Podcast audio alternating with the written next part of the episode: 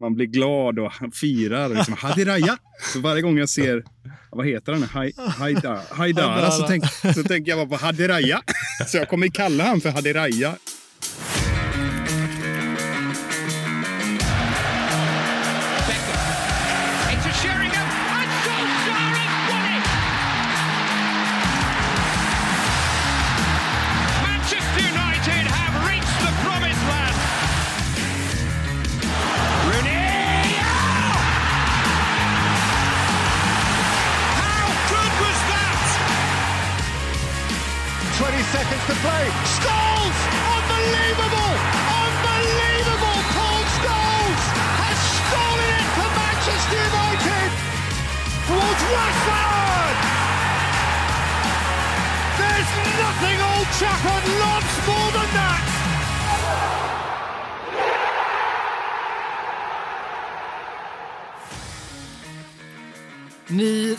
Känna er varmt välkomna till ännu ett avsnitt av United-podden. Podcasten som du inte visste att du längtade efter.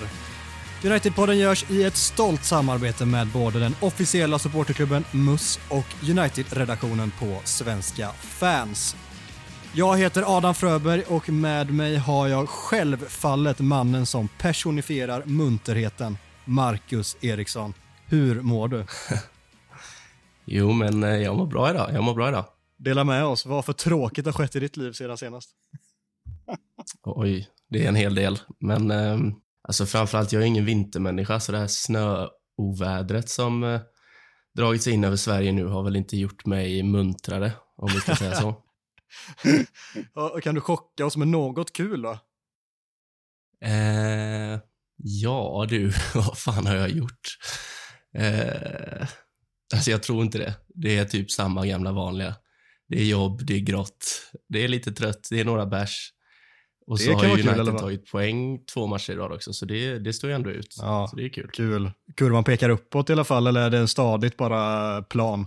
Just under vintern så påverkas den skalan väldigt mycket av United eftersom jag inte är en vintermänniska. Så eh, United sett så pekar ju skalan ändå uppåt, det får man säga. Mm, mm, mm. Ny tränare och allt det där som vi ska komma in på så småningom. Självklart är alla goda ting tre och därför har vi sparat godsakerna till sist. Välkommen tillbaka Micke. Har du saknat oss?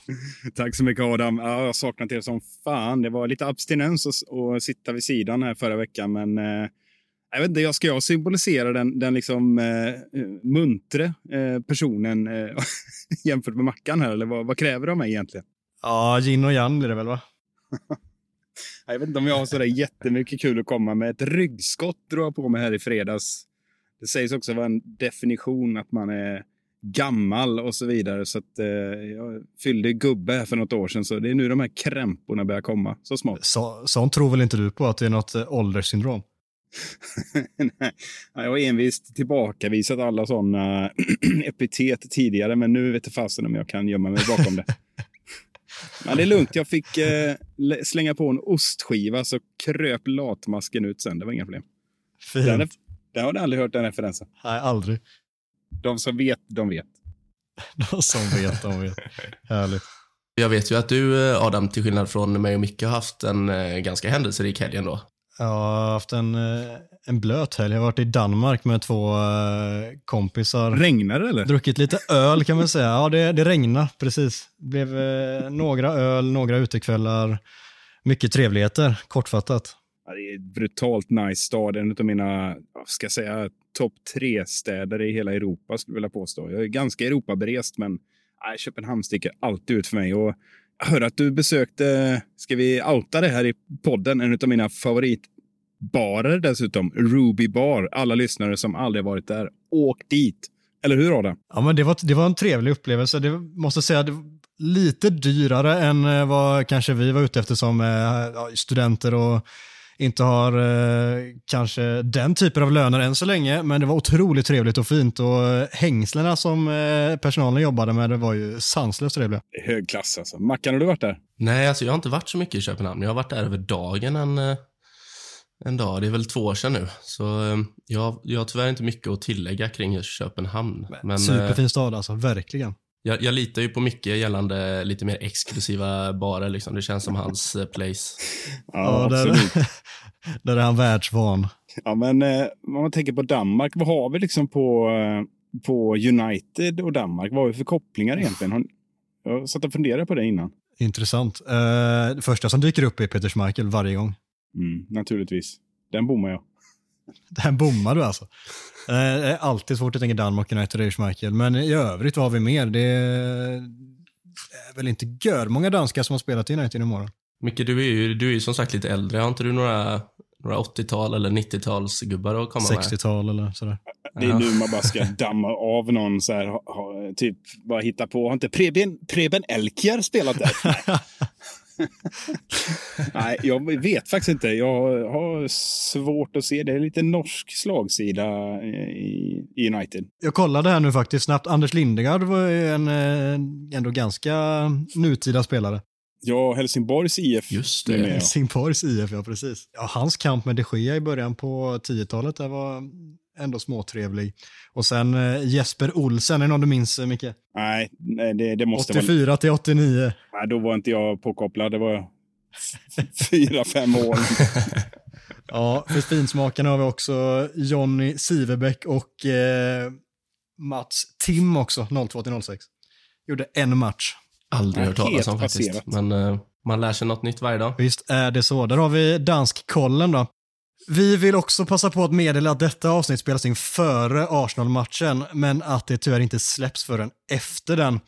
Tyvärr var detta enda sättet för oss att få in veckans ordinarie avsnitt i kalendern, men förhoppningsvis kan ni kära lyssnare ha överseende med det, när ni ändå samma vecka har bjudits på vårt första specialavsnitt tillägnat Ralf Rangnick. Det får ni för övrigt jättegärna kika in, antingen före eller detta avsnitt. Var det något särskilt ni tog med er från det avsnittet, Micke och Mackan? Jag skulle vilja säga att, att eh, eh, man nästan måste lyssna på det avsnittet för så mycket som, eh, som Kevin bidrar med till, ja, till alltså Ralf Rangnick och vad han står för, det, det tror jag inte någon av oss, någon av oss tre kan göra. Så ja, jag tog med mig mycket från det avsnittet, nästan. Jag skulle säga allting egentligen. Så ett måste.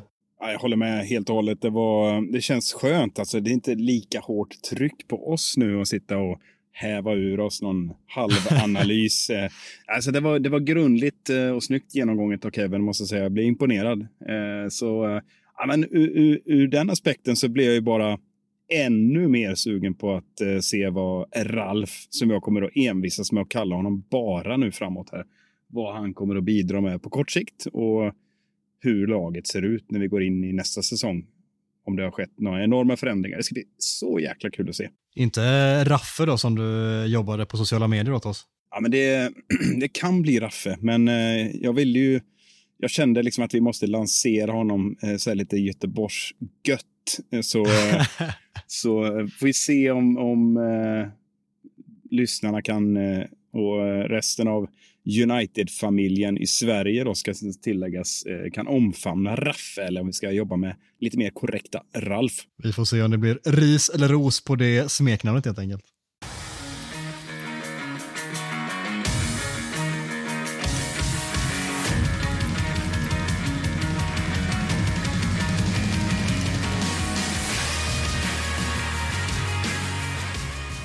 Manchester United kommer som tidigare nämnt ha spelat matchen mot Arsenal när detta avsnitt släppts. Därför blir matchsnacket om Chelsea-mötet i det kortaste laget. Vi spelade 1-1 efter att Jadon Sancho gjort sitt andra mål på två matcher. Mackan, ge oss veckans macka och börja med spelaren som måste höja sig. Oh, kul. Börja i den, eh, i den ändan igen. Eh, jag, eh, det fanns några stycken som jag valde här emellan, men eh, mitt val föll till slut på, på Bruno Fernandes. Jag tycker att eh, hans insats mot Chelsea var rent ut sagt dålig. Eh, han, han, kom i, han kom i några fina lägen när han har chans att sätta in den på, på Sancho eller Rashford eh, eller Ronaldo när han kom in, men eh, ah, lite, lite slö med boll, lite slarvig i passningsspelet, osynlig, förlorade en hel del dueller. Så eh, enligt mig var han, eh, var han Uniteds sämsta spelare i söndags. ändå så, det är så typiskt honom att han ändå ligger bakom det målet vi gör i slutändan. Det är han som skickar upp den bollen som Jorginho missbedömer och Jadon Sancho kan rulla in på ett friläge. Men jag håller med dig att eh, den här insatsen var svag av honom. Jag tycker tidigare att den kritiken har varit, varit lite överdriven. Kanske beror på vilken otrolig höjd han startar ifrån, vad folk förväntar sig av honom med tanke på vad han har gjort i klubben sedan han kom hit. Men eh, just mot Chelsea så eh, var han en besvikelse. Han jobbar ju stenhårt och är bra i pressspelet. Han förstår ju oftast vad han ska, vad han ska vara och ta vägen på planen och det båda ju gott inför eh, Ralfs eh, övertagande av laget. Men eh, jag köper det helt att han, eh, han behöver höja sig. Ja, det finns inget att, att argumentera emot dig, Mackan. Där. Jag, jag har ju noterat att det är en rätt frustrerad Bruno Fernandes, även om Många vill ha det till att han gör en katastrofsäsong. Han ligger fortfarande bakom extremt mycket målchanser i den där statistiken som flimrar förbi och då och då. Och då blir man lite så förvånad. Men jag har tänkt på det att eh, det är också tydligt som, som man ofta glömmer att det finns ett motståndarlag med. Och det är ju väldigt tydligt att motståndarlaget gör sin läxa och ger Bruno extremt lite tid. Så han, han får ju mycket, han får mycket frisparkar med sig. Och ibland får han inte med sig dem för han får mycket stryk. Eh, så att han har en helt annan bevakning på sig i år än förra året. Och att det skulle ta ett år för de andra lagen att förstå det här, det, det kan man ju tycka är konstigt. Men jag tycker man måste ha med sig det också att eh, det är rätt tydligt att man, eh, lagen ser vad United vill göra, nämligen spela loss Fernandes eh, eh, rättvänd. Och det har han haft mm. svårt att hamna i år, så det, det kräver ju mycket att han slår direktpass. Eh, tänk klart innan han får bollen. Allt det där som han är bra på i och för sig, men det är kanske ännu mindre tid i år. Det har jag tänkt rätt mycket på. Mm. Han får ju en del kritik för att han inte gör, eller det har blivit i alla fall rätt uppmärksammat att han inte gör så mycket mål på senare tid och att det är ju rätt många matcher nu senast han gjorde det. Men samtidigt så har han gjort sex assist på fem matcher i Champions League. Det, det blir så himla enkelspårigt i analysen. Eh, är, man vill bestämma sig för att han är formsvag just nu och det kan man tycka, men man behöver inte gå hela vägen till att tycka att han är helt under isen just nu och bara, bara leta argument för det och stirra sig bort från det andra. Nej, det, det, är bra att ni, att ni fyller på här, för jag tänkte faktiskt säga det att jag håller inte med i den kritiken. Jag tror, jag tror Holmgren satt och sa under matchen 44 gånger att han inte har gjort mål på 12 matcher eller vad det är. Han har inte ens skjutit ett skott. Fan, Holmgren. Det var likt Holmgren där. Får, höra, får vi höra igen? så, nej, men så det är bra att ni flikar in där och för jag kan inte sitta och bredda ut allt jag har att säga om det, men eh, jag håller med i det ni säger. Vem var näst bäst av United? Håll i er nu killar. Nu... Mm. Trumvirvel. Nu kommer, kommer en liten överraskning här kanske. Det var vår brasilianska innermittfältare vid namn Fred.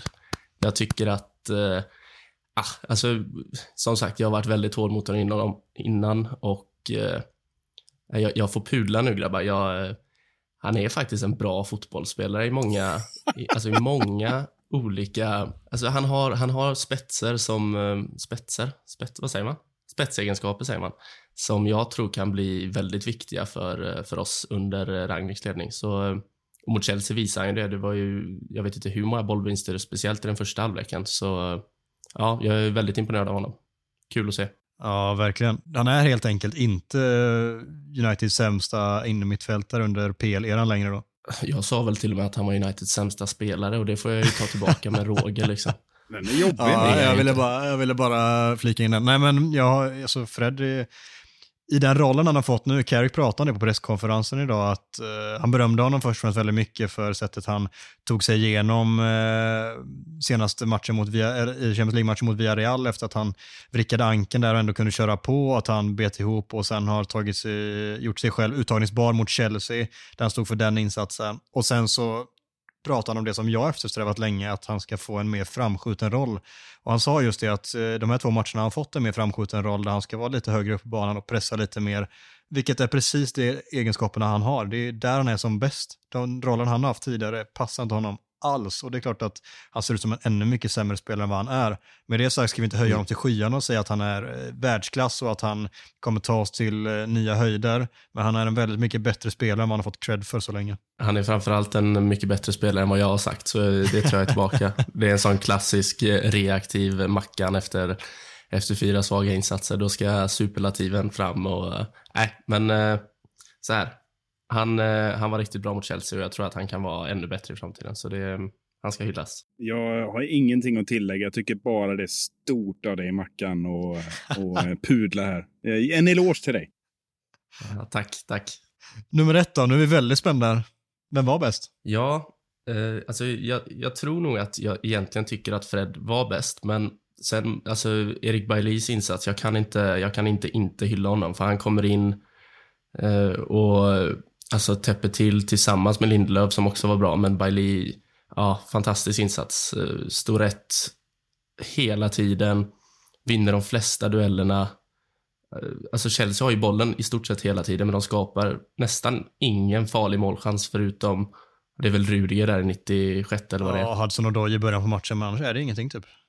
Exakt. Uh, och, och göra det i, alltså med de förutsättningarna som han kommer in med är, jag vet inte, superimponerande. Så um, han, ska, han ska ha en ros för sin insats och jag tycker att han förtjänar en startplats nu imorgon. Uh, jag tycker att uh, om han är på bänken imorgon så är det tjänstefel av Carrick eller Ragnik eller vem det nu är som tar ut laget. Carrick är det.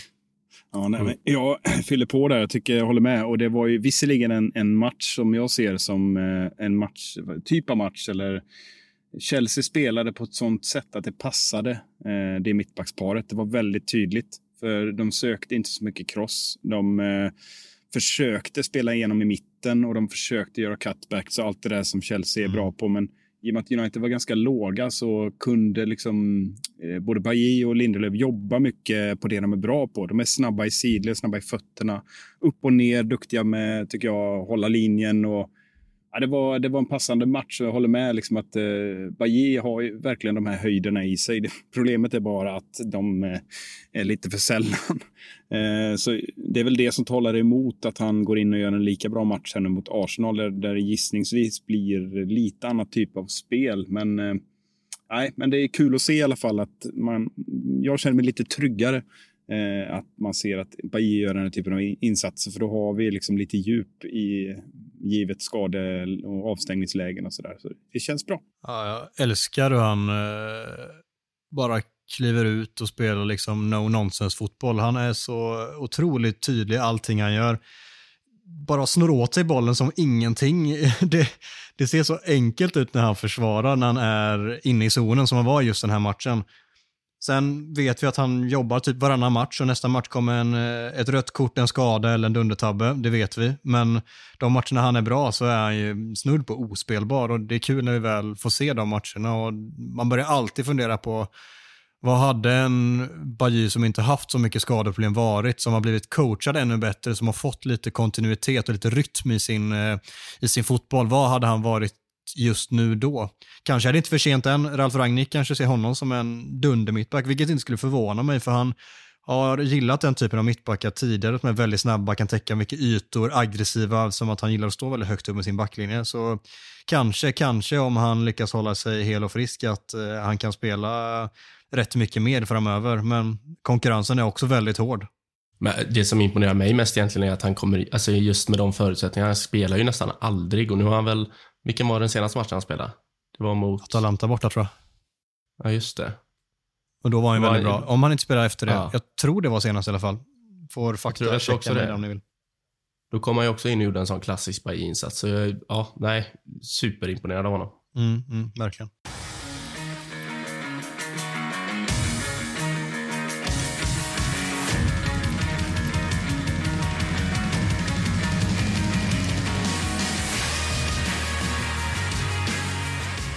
Där kickar vi igång vårt mittensegment Talk of the Town. Det handlar om fem påståenden med aktuella ämnen som vi helt enkelt diskuterar huruvida det är sant eller inte. Nummer ett. Maguire kommer fortsatt vara given under Ragnik. Mm, ja, tänk er följande scenario. En felvänd Maguire 10 meter in på offensiv planhalva när bollen slås bakom honom. Känner ni er trygga i det, i det scenariet? Mardrömmen.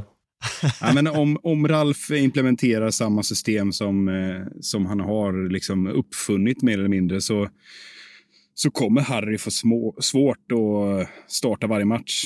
Och då hamnar vi liksom i en diskussion om kaptenstatusen. Vi hamnar i en diskussion om eh, ja, men kanske till och med utvärdera hela liksom, situationen i United när vi går in i nästa säsong.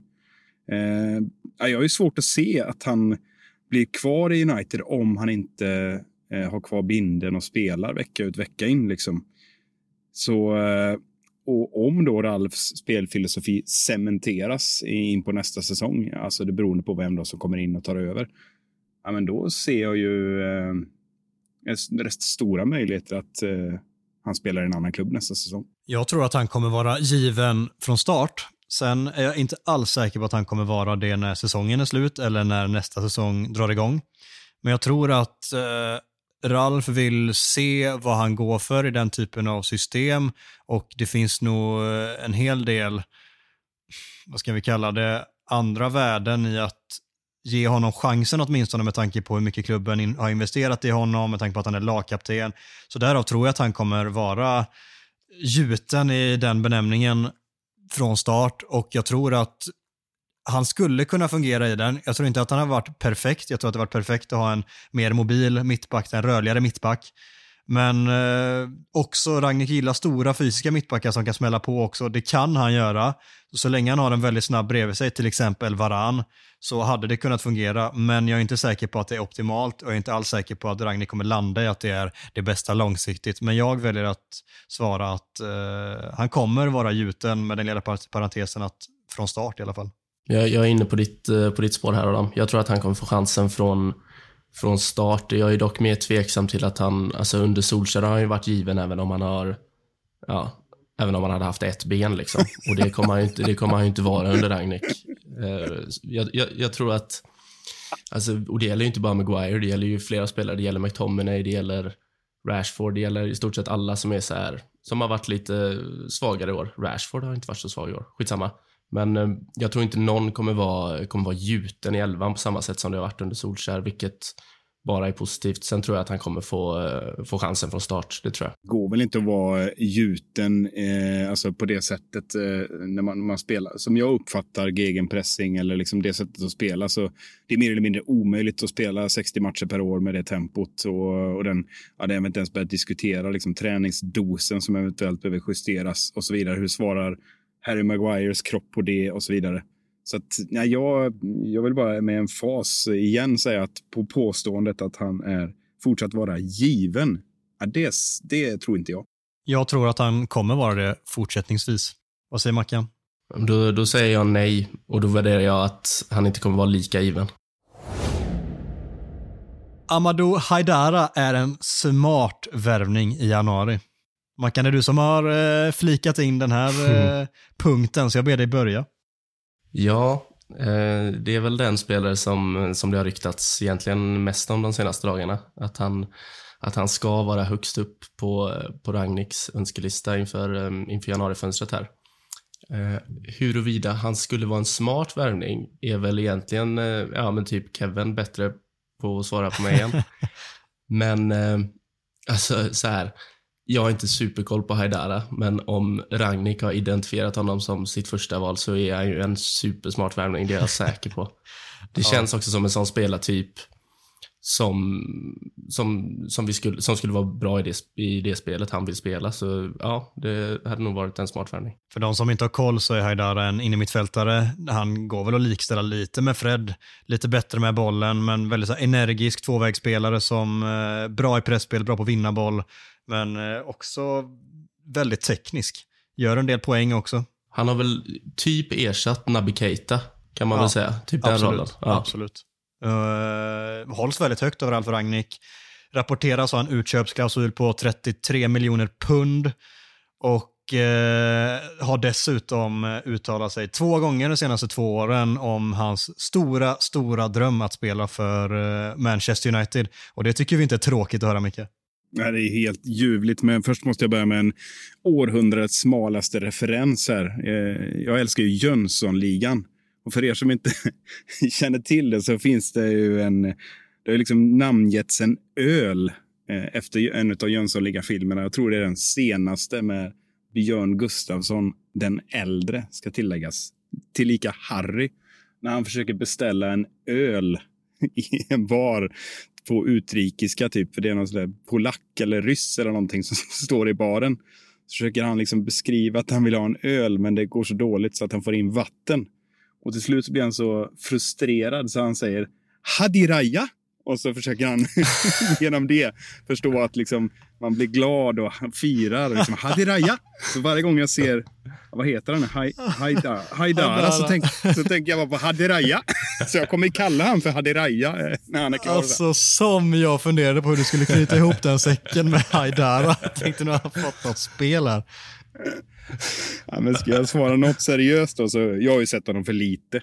Jag, jag kollar alldeles för lite på tysk fotboll, även om det är mycket öl inblandat där ofta. Så, ja, men, såklart det ni är inne på. Han är ju stöpt i Ralf-formen. Hans bakgrund är liksom genom hela Red Bull-koncernen mer eller mindre, verkar det som. Och Keita-liknelsen och, ja, och i spelsystem. Alltså det, det är väl bara att handla om, om vi ska ha den här typen av spelare. Men eh, jag sätter ett litet frågetecken att jag har sett honom för lite och då ska inte jag sitta och killgissa massa grejer. Så jag håller mig till öl istället. Jag gillar när du svävar iväg, Micke. Det, det ger mig lite glädje i den här gråa närvaron här. Gåshud, gåshud. Vi eh, ska landa i någonting. Jag säger att han är en smart värvning just på grund av det Marcus säger. Ralf verkar tycka att han är en smart värvning, då litar jag på det nu. Ja, Ja, så är det. jag håller med. Fint. Cristiano Ronaldo kommer vara i toppen av skytteligan i januari. Ja, vad tror du Adam? Ja, vad tror jag? Eh, kollade skytteligan lite snabbt här och Ronaldo har gjort fyra mål hittills. Skytteligaledaren Mohamed Salah har gjort elva.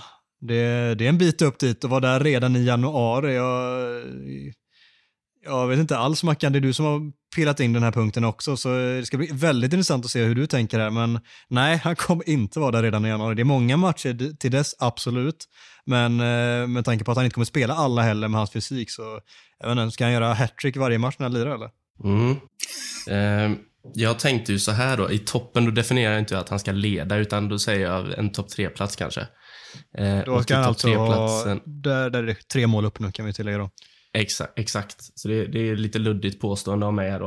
Eh, men jag, jag såg att vi fick in nämligen från, eh, från Timothy Bengtsson här, eh, som skrev utifrån ett fantasyperspektiv. Vilken slash vilka Ah. spelare tror ni har potential att göra mycket poäng framöver? Nu när spelschemat lättar.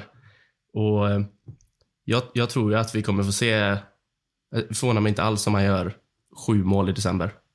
Inte alls. Så jag tror definitivt att han kommer vara topp tre. Med den lilla... Eh, man, man får ju lägga in också att det kommer ju förmodligen Salah och Jota och Mané och Vardy och allt vad de heter eh, göra också. Men eh, jag, jag tror Ronaldo kommer stå på ja, minst, minst 12-13 mål i, när vi... Ja, 12 januari säger, säger vi. Han, tar in minst fyra mål då på Jota och Mané som just nu står på sju mål vardera. Det tror jag. Ja, ja. Micke? Ja, nej men alltså. Ronaldo lär ju få anpassa sig under Ralf, men eh, de senaste två matcherna så har jag noterat att han har spelat på en nygammal position. Dels när han kom in nu och dels någon match tidigare, jag kommer inte ihåg vilken det var, men då spelar han ute till vänster i ett ja, typ tremannaanfall med Bruno som falsk nia som orkar pressa lite mer. Uppenbarligen därför, men oavsett spelsystem och speltid så tror jag han kommer göra mål. Eh, och kommer laget igång så kommer ju Ronaldo komma igång. Och tittar du på ja, men spelschemat framöver här nu. Arsenal skitlag, Crystal Palace skitlag, Young Boys. Ja, han brukar, det är ju i och för sig Champions League, men han värmer upp där. Sen har vi Norwich, Brentford borta, Brighton hemma, Newcastle borta. Och avslutar eh, året med Burnley hemma. Jag menar, minst tre straffar får vi i de matcherna. Eh, jag har svårt att säga något annat. Och vem, vem slår dem numera? Knappast, knappast Bruno. Så att, ja, jag skulle säga att han kommer vara där i toppen. Han kommer att ösa in. Också ett sidospår det där. Straffarna, var de tagit vägen den här säsongen? Vi har fått en i ligan tror jag. Vad är det som försiggår? Jag känner inte igen mitt Manchester United. Tror fan att det var dåligt liksom. Exakt. Vad hände med Penandes? Det kanske är därför han inte har gjort mål nu, säger alla rivaliserande supportrar. Ja, straffspark och säga, eh, prata om straffsparkar helt enkelt. Ronaldo, absolut en spelare som kommer göra mycket poäng om vi ska bara titta vilka spelare som kan bli formstarka framöver. Jag tror att får vi se den här 4-4-2, vilket vi troligen får göra, eh, med tanke på att det är det som Ragnik har kört så mycket senaste åren eh, när han var tränare, eh, fram till 2019 då, sedan han haft paus. Men eh, med det sagt, eh, då tror jag att en Marcus Rashford bredvid Ronaldo kan bli hyperfarlig också. Så han, och sen vet vi att Jadon Sancho, han har ju värvat igång nu. Han, eh, oavsett att vi inte har sett Arsenal-matchen så vet vi att han har gjort mål i den matchen med. Ja, det Ja, känns minst givet. två assist i alla fall. Ja, okej. Mm. Vet du vad jag reagerar på lite snabbt bara? Ja. Att jag, jag sitter och säger positiva saker om Ronaldo här och ingen, ingen kommenterar ens. Det är ändå Nej, första nej. gången. Ja, vad fan är det som har hänt, Mackan? Först Fred och nu Nej. Ronaldo. Jag vet inte, det kanske är kylan här som har påverkat mig. Jag har tappat några hjärnceller eller så. Det är bara halva hjärnan som fungerar just nu kanske. Ja. Ja, jag tänkte säga att jag i alla fall tror inte att Ronaldo kommer vara med i toppen av skytteligan och då säger vi alltså topp tre när januari, januari, när det är januari träder i kraft. Ja, jag tror det. Det, det kommer han vara, Adam. Det kommer han vara, Adam. Ja, du, vi får se vad du säger det. när han har gjort uh, hattrick mot Norwich nästa vecka. Ja, det blir ja. kul. Vi, eh, jag kan satsa en öl på det mot, eh, mot er så ser vi sen. Jo, kul. Det är vi med på. En Haidara eller? Hadiraya! Hela staben bör bytas ut omgående och ersättas av Ragnik-profilerade namn. Micke, du kuppar in denna. Ja, men kanske inte omgående, men eh, definitivt i nästa säsong. Det är väl ett eh, helgarderingssvar eh, värt namnet. Men eh, frågan man ställer sig då, finner sig till exempel Michael Carrick, eh, våran interim, interim, interim, interim, eller vad det nu heter, eh, att spela någon slags undanskymd eh, andra fiol eh, om han nu skulle bli kvar. Och sen har jag också funderat lite på det här, den här tekniska sportdirektörsrollen som Fletcher har, eller vad det nu är. Hur kommer den se ut när, när gudfadern tar över som eh, konsult? Ja, det, det är många frågetecken här. Så, eh, och övriga liksom. Något annat än att de skyfflas iväg. Roy Keane kallar dem, eller var det Paul Scholes som kallar dem för praktikanter. Eller. Det var riktigt hårt. Mike Phelan har varit med ett tag. Men, ja. Nej, så jag säger att eh, ja, eh, den bör bytas ut, men kanske inte eh, just nu. Om inte Ralf har ett stall med tyskar som, eh, som omedelbart inställer sig här mot Crystal Palace på söndag. Vad tror ni? Det har ju rapporterat lite fram och tillbaka vad som ska ske med tränarstaben nu när Ralf träder in.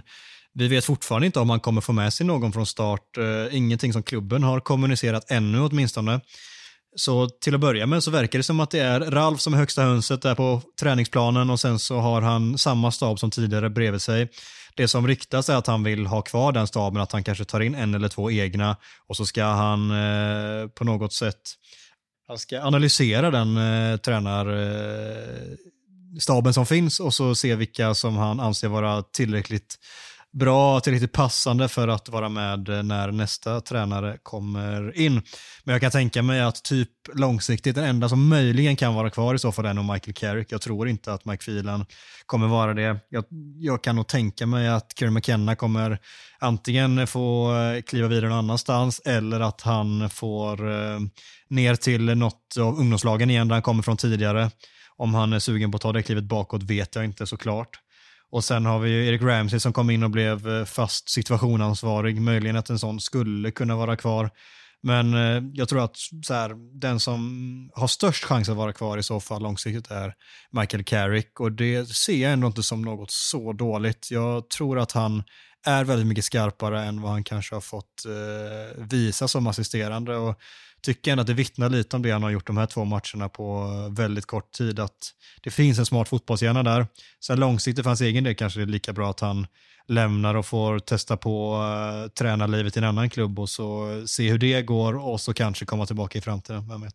Det som jag tycker är lurigt är ju, säg nu att, eh, säg nu att eh, Ralf plockar in några, några tyskar här eh, som, som då ska få kontrakt.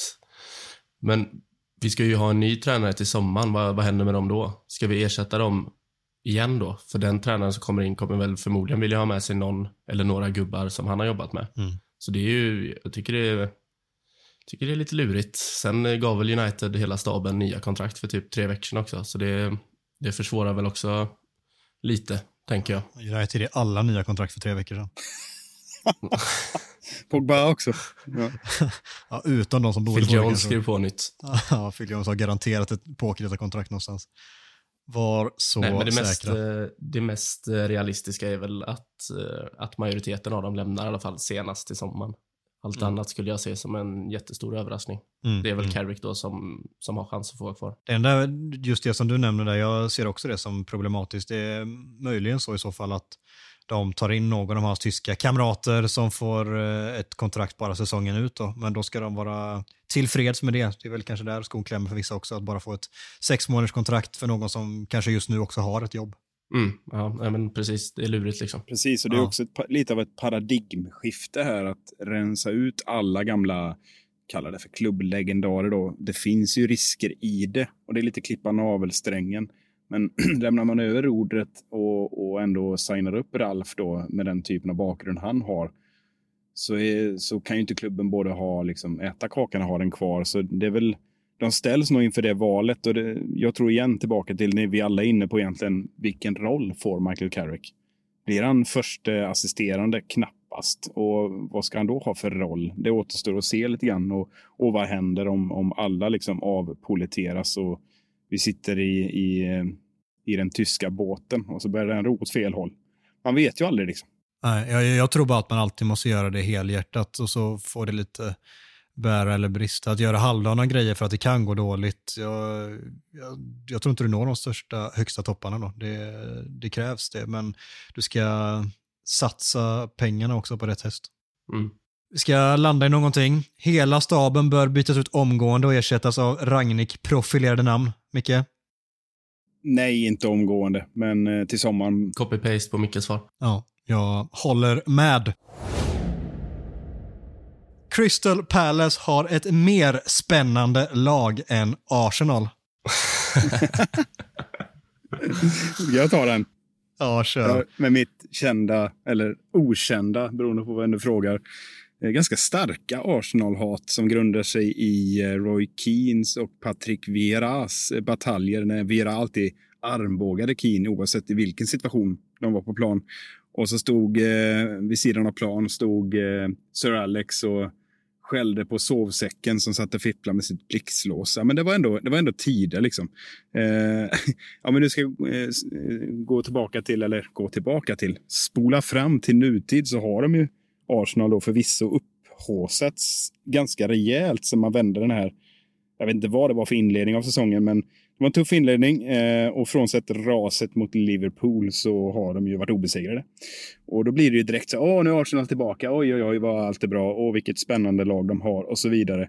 Men är de ett stabilt lag? Frågade mig eh, så skulle jag säga nej. Eh, och det är inte, bygger inte bara på att jag liksom, tycker illa om Arsenal, utan jag tycker det är ett ganska ihåligt lag med eh, slagsida på liksom, eh, offensiva spelare och eh, jag sätter ett ganska stort frågetecken på de lite äldre etablerade spelarna som är liksom eh, ja, på utåtgående kontrakt eller på sluttande plan eller vad det nu eller kanske båda två. Men, men Crystal Palace, det ju, har inte undgått någon och det sparkar in jätteöppna dörrar genom att säga att Vera har liksom med honom så har de genomgått någon slags metamorfos som, som jag tror få trodde var liksom möjlig. Om man tittar på var de kommer ifrån med nu får jag in det igen här med Burnley 4-4-2-taktiken som eh, Hodgson så, körde så, så fint liksom, eh, till ett 4-3 som jag uppfattar rakt, snabbt passningsspel med liksom nya spännande spelartyper och till och med lyckas bygga om eh, alltså, spelare som inte jag såg hade liksom det här spelet i sig. Så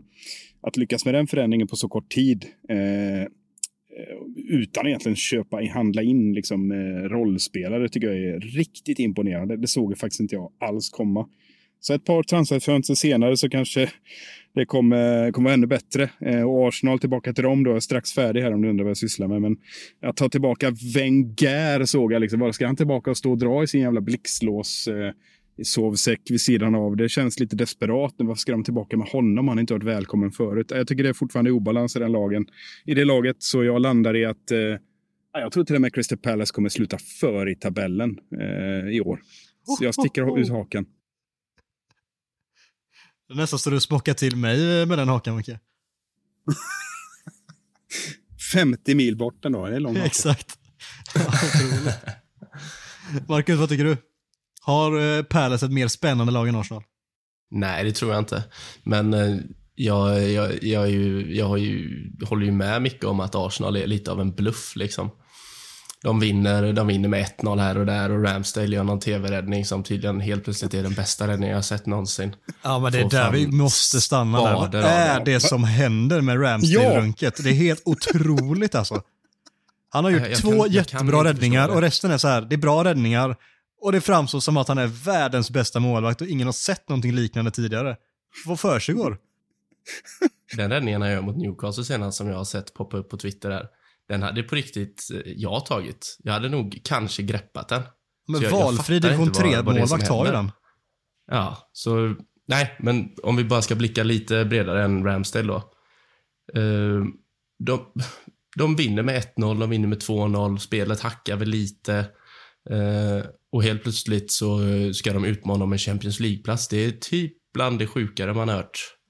Så eh, nej, de, eh, de har väl egentligen en spännande spel, mer spännande spelartrupp än Crystal Palace, men Palace har väl egentligen en tydligare spelidé, så ja, jag, jag tycker det är roligare att kolla på Palace och det är väl en mer spännande klubb än vad Arsenal är för tillfället. Innan du kommer in Adam, jag måste, jag bara, jag måste smida i medan Ramsdale-järnet är varmt. Alltså, vad är det för människa? Inte bara de här räddningarna och den här liksom galna, liksom, vad så kallar du det? Ramsdale-runket. Det var lite kul. Ja, men men vad, vad är, alltså, titta på hans kroppsspråk och minspel och liksom kommer in så här. Det ser ut som att han har skickat i sig ett gäng, en cocktail av ett gäng psykedeliska droger inför varje match. Kommer in och bara liksom tuggar tuggummi som att käken ska hoppa ur led. Stirrar på någon jävel på läktaren och bara ropar och skriker och pekar. Och, och, så passar de alltid tillbaka till honom i alla lägen. Han ska sköta alla uppspel. Det är så stenhårda liksom, vristskott som han skickar iväg som crosspass. Jag tycker han är helt galen. I och för sig lätt underhållande, men jag vet inte riktigt. Rätt vad det kommer en tavla där tror jag, så är den där ballongen eh, spräckt. Jag, jag gillar ju dock det, alltså kroppsspråket och hans, eh, alltså i- personlighet vet jag inte, men jag gillar hans kroppsspråk på planen, typ han sjunger med när Leicester-fansen hatar, äh, eh, hatar på honom och sånt. Sen är han ju en äh, ganska medioker målvakt som, äh, ja, Ramsdale-runket är väl rätt sätt att beskriva det på, för det ju- har ju fan gått till nya höjder nu det senaste. Ja, Så, det har ja, gått överstyr. Det har gått överstyr. Och sen, han- jag tycker att den är en bra målvakt nu. Han, alltså, jag förstod ingenting när de la de pengarna som de gjorde på honom med tanke på hur dålig han var i både Bournemouth och Sheffield United. Två eh, liksom, Championship-mässiga lag som han eh, bara tvålade in bollar i. Men eh, de gjorde det och han har fortfarande varit bra för dem. Jag kan, jag kan inte säga någonting annat. Men de hyllningarna han får, det står inte i paritet med hur bra han har varit. Verkligen inte.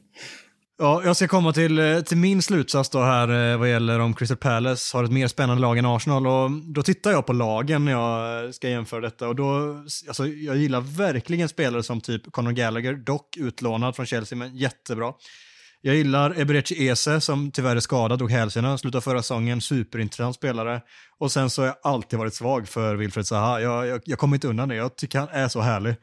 Och sen har de ju Oddson Edouard också som gör sina mål och var kanonbra i Celtic och kommer fortsätta göra mål och Benteke är eh, vad han är uppenbarligen har rest ifrån de döda och börjat göra lite mål den här säsongen. Och sitter jag på Arsenal och jämför, Smith Rowe, Saka, de har, jag tycker Ben White han var dyr men det är en jätteintressant mittback. De har ett lag som jag ser kan utvecklas och bli någonting väldigt bra. Jag är inte alls säker på att det är Arteta som ska ta dem dit dock. Och jag håller med i Arsenal-hatet i övrigt. Men om jag ska vara helt ärlig så tycker jag att Arsenals trupp är mer intressant. Och jag, jag kan inte dra mig till att säga att Palace är ett mer intressant lag än Arsenal, tyvärr. Jag, jag vill säga annat men jag kan inte det. Vet du vad jag tror mycket grundar sig i? För jag tror att det är många som tänker som mycket. Kanske inte dra jämförelsen till Palace, för den är kanske lite extrem. Men eh, jag tror att det här, alltså så fort en spelare är halvbra i Arsenal, säg Ramsdale som senaste exemplet, så målas det upp på sociala medier av Arsenal, engelska Arsenal-fans som åh, Saka ska vinna Golden Boy, Ramsdale borde vara i världslaget och så vidare Ja, och så vidare och så vidare. Det är extrem Ehm, hybris. Och det är lite Ja. så, när vi var på botten var vi likadana typ med Adnan Januzaj. Vi målade upp han till världens frälsare. Men det är så typiskt, och, det är så typiskt ett lag som har det jävligt, jävligt kämpigt att eh, så fort någon är bra så eh, höjs han till oproportionerliga höjder. Mm, exakt så. Det, jag, jag tycker fortfarande att Arsenal har mer, ett mer intressant lag än Crystal Palace, men jag fattar verkligen vad mycket far efter det, för så intressant lag som eh, det målas upp i, hos många, det har de inte vi, vi kan ju konstatera bara att de, de kommer liksom... Det, alltså ballongen kommer eh, spricka snart och då landar de där på en nionde eller tionde plats kanske. Jag, jag har svårt att se något annat och det är det jag menar. Liksom, jag, jag tror att Crystal Palace kommer ligga och hugga runt tionde platser. Det, det, handlar egentligen om eh, att om Arsenal ska fortsätta att hålla den nivån som de har hållit nu efter katastrofinledningen, ja, då, då får jag väl förmodligen äta upp det här och så kanske de gör ett resultat mot United nu eh, på torsdag. Liksom. Absolut, men jag tror inte Arsenal är liksom tillbaka där de var, för det är ju någonstans det jag upplever att eh, många Arsenal, inte alla, en del är liksom lite luttrade, men många liksom är där och yrar igen om liksom att oj, oj, oj vad bra det är. Så det är det, är det resonemanget jag har. Vi får se, jag kanske får äta upp det först och främst på torsdag, men eh, då tar jag den alla dagar i veckan. Ja, och även om Arsenal skulle ha slått oss i den matchen nu, vilket ni lyssnare vet, så eh, är jag helt säker på att United kommer sluta före Arsenal i tabellen när vi räknar in den i maj. Mm. Enig.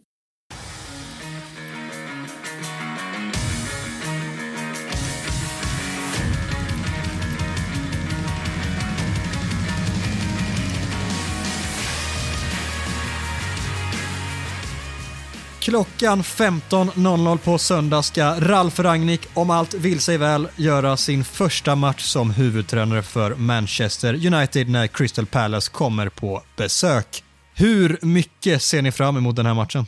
Mycket faktiskt. Jag ser, alltså, Crystal Palace på Old Trafford har väl inte varit de bästa matcherna de senaste åren för United, men eh, det, är så, det är så mycket som man ser fram emot nu. Det är Rangnick på tränarbänken, eh, det är en Sancho i form, och så är det som jag har utlovat här, Ronaldo som ska kliva in i en galen målform här. Så eh, nej, det ska bli riktigt kul att se. Jag, eh, jag, tror att vi, jag tror att vi kommer ha en trevlig söndag framför oss. Så mycket kul. Visst känns det som kickstarten på en ny era, Micke? Men det känns så. Det är klart att igen reservation för uh, torsdagen, men vi skiter i Arsenal-matchen i, det, i det här forumet. Men jag håller med. Och eh, det roliga är med Crystal Palace är att eh, nu tror jag att de kommer inte få lika lätt resa som de har fått tidigare mot oss. Eh, några matcher där de har liksom slått tillbaka oss till och med. och så där. Jag, jag tror att en press på den där backlinjen som är Crystal Palace svagaste lagdel tror jag kan ställa till rejält med problem för Vera. Men det kommer bli en öppen och härlig match tror jag. Jag tror det kommer bli rätt mycket mål och som sagt, det finns mycket eh, som lovar gott trots att vi har varit nere i källan och vänt. Så, ja, det ska bli en riktigt rolig fotbollsmatch. Jag tror att om du är en objektiv eh, tittare så kommer du nog trivas rätt bra på söndag eftermiddag. Jag vill så gärna se ett United som bara trycker upp hela laget och bara kör. Vägrar låta Crystal Palace spela sig ut. I så fall får de skicka en lång boll på Benteke eller vem som spelar där framme i den matchen. Och så får de jobba därifrån. De ska aldrig få spela sig igenom, måste känna sig trygga och bekväma med bollen, utan vi ska bara skölja över dem med all energi vi har som Ralf får pumpa in tillsammans med publiken på Old Trafford och så förhoppningsvis leder det till att vi leder med 2-0 i halvtid och så kan vi bara gasa därifrån sen. Mm. Och som, som Micke är inne på här, jag tror ju att det här Crystal Palace eh, som vi ställs mot nu, jag, jag, vet inte, jag hörde igår när de mötte Leeds att de har typ slått tredje mest passningar i Premier League den här säsongen eller något sånt. Så det är ju ett lag som numera vill spela sig ur svåra situationer och pressade situationer.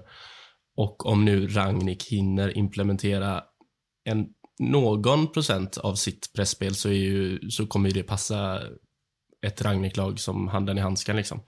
Så det kommer nog, bli, det kommer nog kunna bli en svängig match. Eh, och inte alls som eh, Hodgsons Palace som parkerar i straffområdet och skickar upp bollen på någon stor anfallare som får skarva på Zaha. Så eh, ja, nej, en spännande match även för de objektiva tror jag. Ja, verkligen. Och så här, det, mycket hänger på hur bra Uniteds press hinner vara till den matchen. För vi säger att ett osynkat United ska försöka pressa ett Palace som du säger i år försöker spela sig i varje situation och också gjort det väldigt bra. Det kan ju bli ett självmål på ett sätt också på det sättet av United, man skjuter sig själv i foten genom att, eh, att blotta sig på det sättet. Men eh, jag tror att, eller jag tycker att så som Carrick har satt hand om laget hittills så har han redan påbörjat den processen lite. Jag tror att med lite små twistningar från, eh, från Ragnik, med kanske att man inte går all in på samma sätt från start, utan man kanske tar in det lite, lite successivt, så, eh, så väljer jag åtminstone att tro att det här blir kanonbra och eh, en väldigt rolig tillställning att titta på. Ser verkligen, verkligen fram emot den här matchen. Ja, det känns ju som att det blir ett, inte går vi in i det här intensiva schemat som ja, kan knäcka vilket lag som helst. Men det blir intressant att se vilket lag som mönstras här på söndag också. Gissningsvis ett mer offensivt balanserat lag eh, igen. Liksom, vi får se liksom, hur, hur, hur, hur truppen mår efter torsdagens match. Det går, man kan gardera sig i evigheter där, men ja, men det, det, jag tror att till exempel en sån som Telles som eh, börjat eh, komma in lite i truppen tror jag kommer bara bli bättre och bättre. Eh, och han, hans liksom, fot och hans eh, ja, men, rätt smarta offensiva fotbollshjärna har vi ju inte riktigt sett än. Vi har bara sett glimtar och jag, jag tror att där har vi en, en, en, spelare som kan skörda framgångar här under, här, under här december månaden. Så att bara det ska bli jäkligt kul att se och Donny kanske får lite speltid också som sagt, Sancho lär väl spela eh, varannan match nu, känns uppåtgående i form. Det är väl bara vi ska få tillbaka din favorit, Mackan, Greenwood, som alltid gör två mål i alla matcher. Eh, det är väl där oron hur han passerar den här, var det andra eller tredje covid-infektionen? Mm. jag, jag, jag, jag, jag, är faktiskt inte så orolig över honom. Jag tror att, han, eh, att vi faktiskt kommer få se honom ta en mer central roll om vi ska spela med två anfallare, vilket båda gott både för honom och för en spelare som Jadon Sancho. Eh, så eh, hans, eh, hans mål kommer trilla in, det är, jag, det är jag rätt säker på. Ja, jag är också tämligen övertygad om det. Vissa matcher så startar han, vissa matcher startar Ronaldo, vissa matcher startar Rashford. Eh, två av de tre tror jag kommer starta mycket och så Cavani där också. Så här, har vi två anfallare så blir det helt plötsligt andra förutsättningar till att spela och Greenwood kan ju också spela på kanten om det är så. Jag tror att vi kommer få se den här 4-2-2-2 eller 4-4-2 där jag kan tänka mig att vi startar med eh, de Gea, Wan-Bissaka. Jag tror att vi kommer få se Maguire och Varann kan vara tillbaka till den matchen, men vi säger Lindelöf, jag tror att vi kommer se Telles och sen tror jag att vi får se McFred centralt och jag tror vi får se Sancho till vänster, Bruno Fernandes på andra kanten eller om de skiftar kant spelar ingen roll egentligen. Och så att vi får se Ronaldo och Rashford på topp eh, mot eh, Crystal Palace. Det känns ganska sannolikt. Utan att veta alls hur Ralf tänker så känns det spontant som ett lag som han skulle kunna mönstra. Och det är jäkligt kul att se, se att det går, ja, men det går några matcher nu in i december och Ralf har liksom börjat sätta lite prägel lite tidigt än jag vet. Men det, vi kommer ju ha mycket att snacka om för nej, hur som helst så är det här en ganska stor omställning eh, till det här 4-2-2-2 systemet och de här andra kraven som kommer börja alltså, liksom, sättas in, även om det inte är så mycket träning när det är så mycket matcher. Men ja, det, det, kommer bli jättekul att se och vilka spelare som gynnas och missgynnas. Och så där. Jag, vet inte, jag sitter bara och tänker på, alla har ju sagt Paul Pogba redan, Harry Maguire har vi pratat om. Eh, en sån som skulle kunna gynnas. Jag tror ju Victor Lindelöf tror jag skulle passa perfekt in i det här systemet. Eh, och van de Beek har alla också sagt. Jag vet inte, har, ni, har ni tänkt på någon oväntad som eh, kliver in här nu och börjar skörda framgångar? Jag nämnde det i specialavsnittet och det kanske inte känns så oväntat längre med tanke på att det verkar vara väldigt många fler som har lyft upp honom. Men Fred är jag tämligen säker på kommer vara väldigt, väldigt bra i det här spelet. Det, det tror jag genuint. Sen eh, slänga in en liten oväntad, eh, Kevin var inne på att han kanske kan få det tufft och det kan han absolut få. Men jag tror att Wan-Bissaka, vi kommer se en helt annan Wan-Bissaka, en väldigt mycket bättre Wan-Bissaka helt, eh, helt enkelt. Oj. Den, eh, den såg jag inte komma. Men... Nej, jag tror att hans löpkapacitet och att förmåga en mot en-spelet defensivt, att Ragnhild kommer gilla det och så kommer han jobba stenhårt med honom i, i den offensiva delen, vad han ska ta vägen där. Jag, tror att han skulle må jättebra av det och vi har sett glimtar av det när det helt plötsligt stämmer för honom att han kan vara väldigt bra offensivt. Tyvärr sker det alldeles, alldeles för sällan. Och jag kanske rätta upp detta, men min magkänsla säger bara att Wan-Bissaka kommer ta stora kliv under Ragnik eh, det kommande halvåret. Jag, jag, jag säger hans ytterbackskollega då, Luke Shaw, som jag tror om han, om han hittar rätt så känns det som ett system som kommer passa honom väldigt bra. Så ehm, jag tror på, jag tror på Shaw nu under, eh, under Raffe, som Micke kallar honom. Mm. Ja, men Shaw, eh, om man får ordning på eh, huvudet igen, eller vad det nu är. Det verkar vara lite både in och utsida. Men, eh, ja, men det är liksom Das Autobahn som gäller för honom i den korridoren. Lite komma upp på Angelino-nivån eh, som mosade oss när vi åkte ut mot, mot eh, energidryckslaget här förleden. Men, eh, men det, ska vi, det är som sagt, vi kan prata i sju timmar om det här, för, men vi får nog vänta och se lite också. Och, eh, Så det blir jättekul att se när Paul Pogba kommer tillbaka sen efter, efter nyår och, och välkomnar det här, eh, den här eh, förändringen. Ja, det ska vi se mm. hur du tar dig an det, Paul. Jag, jag, vill, jag vill bara avsluta med att säga att det, det, känns ändå härligt att man nu sitter här och är faktiskt lite... Alltså man ser fram emot de här nästa matcherna och den kommande månaden. Jag är typ taggad liksom. Och det har jag inte känt mig på ett tag. Så och det tror jag många lyssnare känner också. Så bara det är ju, har, bara det är ju positivt. Vi har ett hattrick här Adam. Vi måste dra det nu. Alltså, om, ni, om ni inte har sett ett mönster i det här avsnittet så då ska vi berätta det för er. Fred är helt plötsligt förlåten. Ronaldo kommer hugga i skytteligan. Och Marcus är taggad. Vad i helvete är det som pågår? Det sista är ju mest chockerande om jag ska vara ärlig. Och då är det andra helt vansinnigt, men eh, det sista är alltså brutalt. Ja, jag säger det. Alltså, det kan vara kylan som har slagit till. Jag vet inte.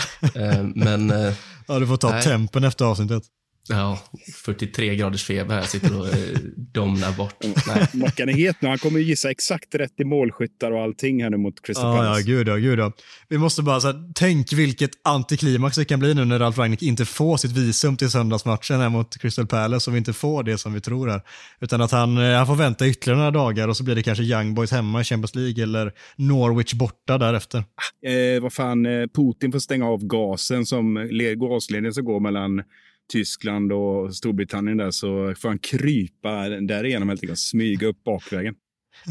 Han är ju faktiskt i England och eh, Paul Trafford just nu. Han får ju vara i landet, det är bara att han inte har ett arbetsvisum ännu. Det så eh, det är det som kan ta tid. Det har helt, helt missat det. Mm. Ja, det har kommit bilder idag när han och John Murtog står eh, på Old Traffords inneplan och diskuterar någonting från folk som varit på sån Stadium Tour på Old Trafford. Eh, genuina bilder och eh, andra som har rapporterat om det också, till exempel Telegraph och sådär. Så eh, han, han är på plats, han väntar bara på sitt visum, han kommer förmodligen också sitta på läktaren mot eh, Arsenal, så det är bara att han ska få det beviljat. Behöver vi gå eh, djupdyka i det här med visum och hur det fungerar? För mig låter det ganska märkligt att inte ha fått visum, men vistas ändå i liksom faciliteterna. Vad, vad händer? Ja, liksom? det, det, handlar, det handlar egentligen om arbetstillståndet han ska ha mm. nu helt och hållet. Och där är det så att eftersom att han inte har varit eh, trän, aktiv tränare på de senaste två åren, så eh, måste han prövas under eh, en eh, Eh, exception, vad heter det på svenska? En undantagsjury eh, liksom som ska ta hans fall och den juryn tar längre tid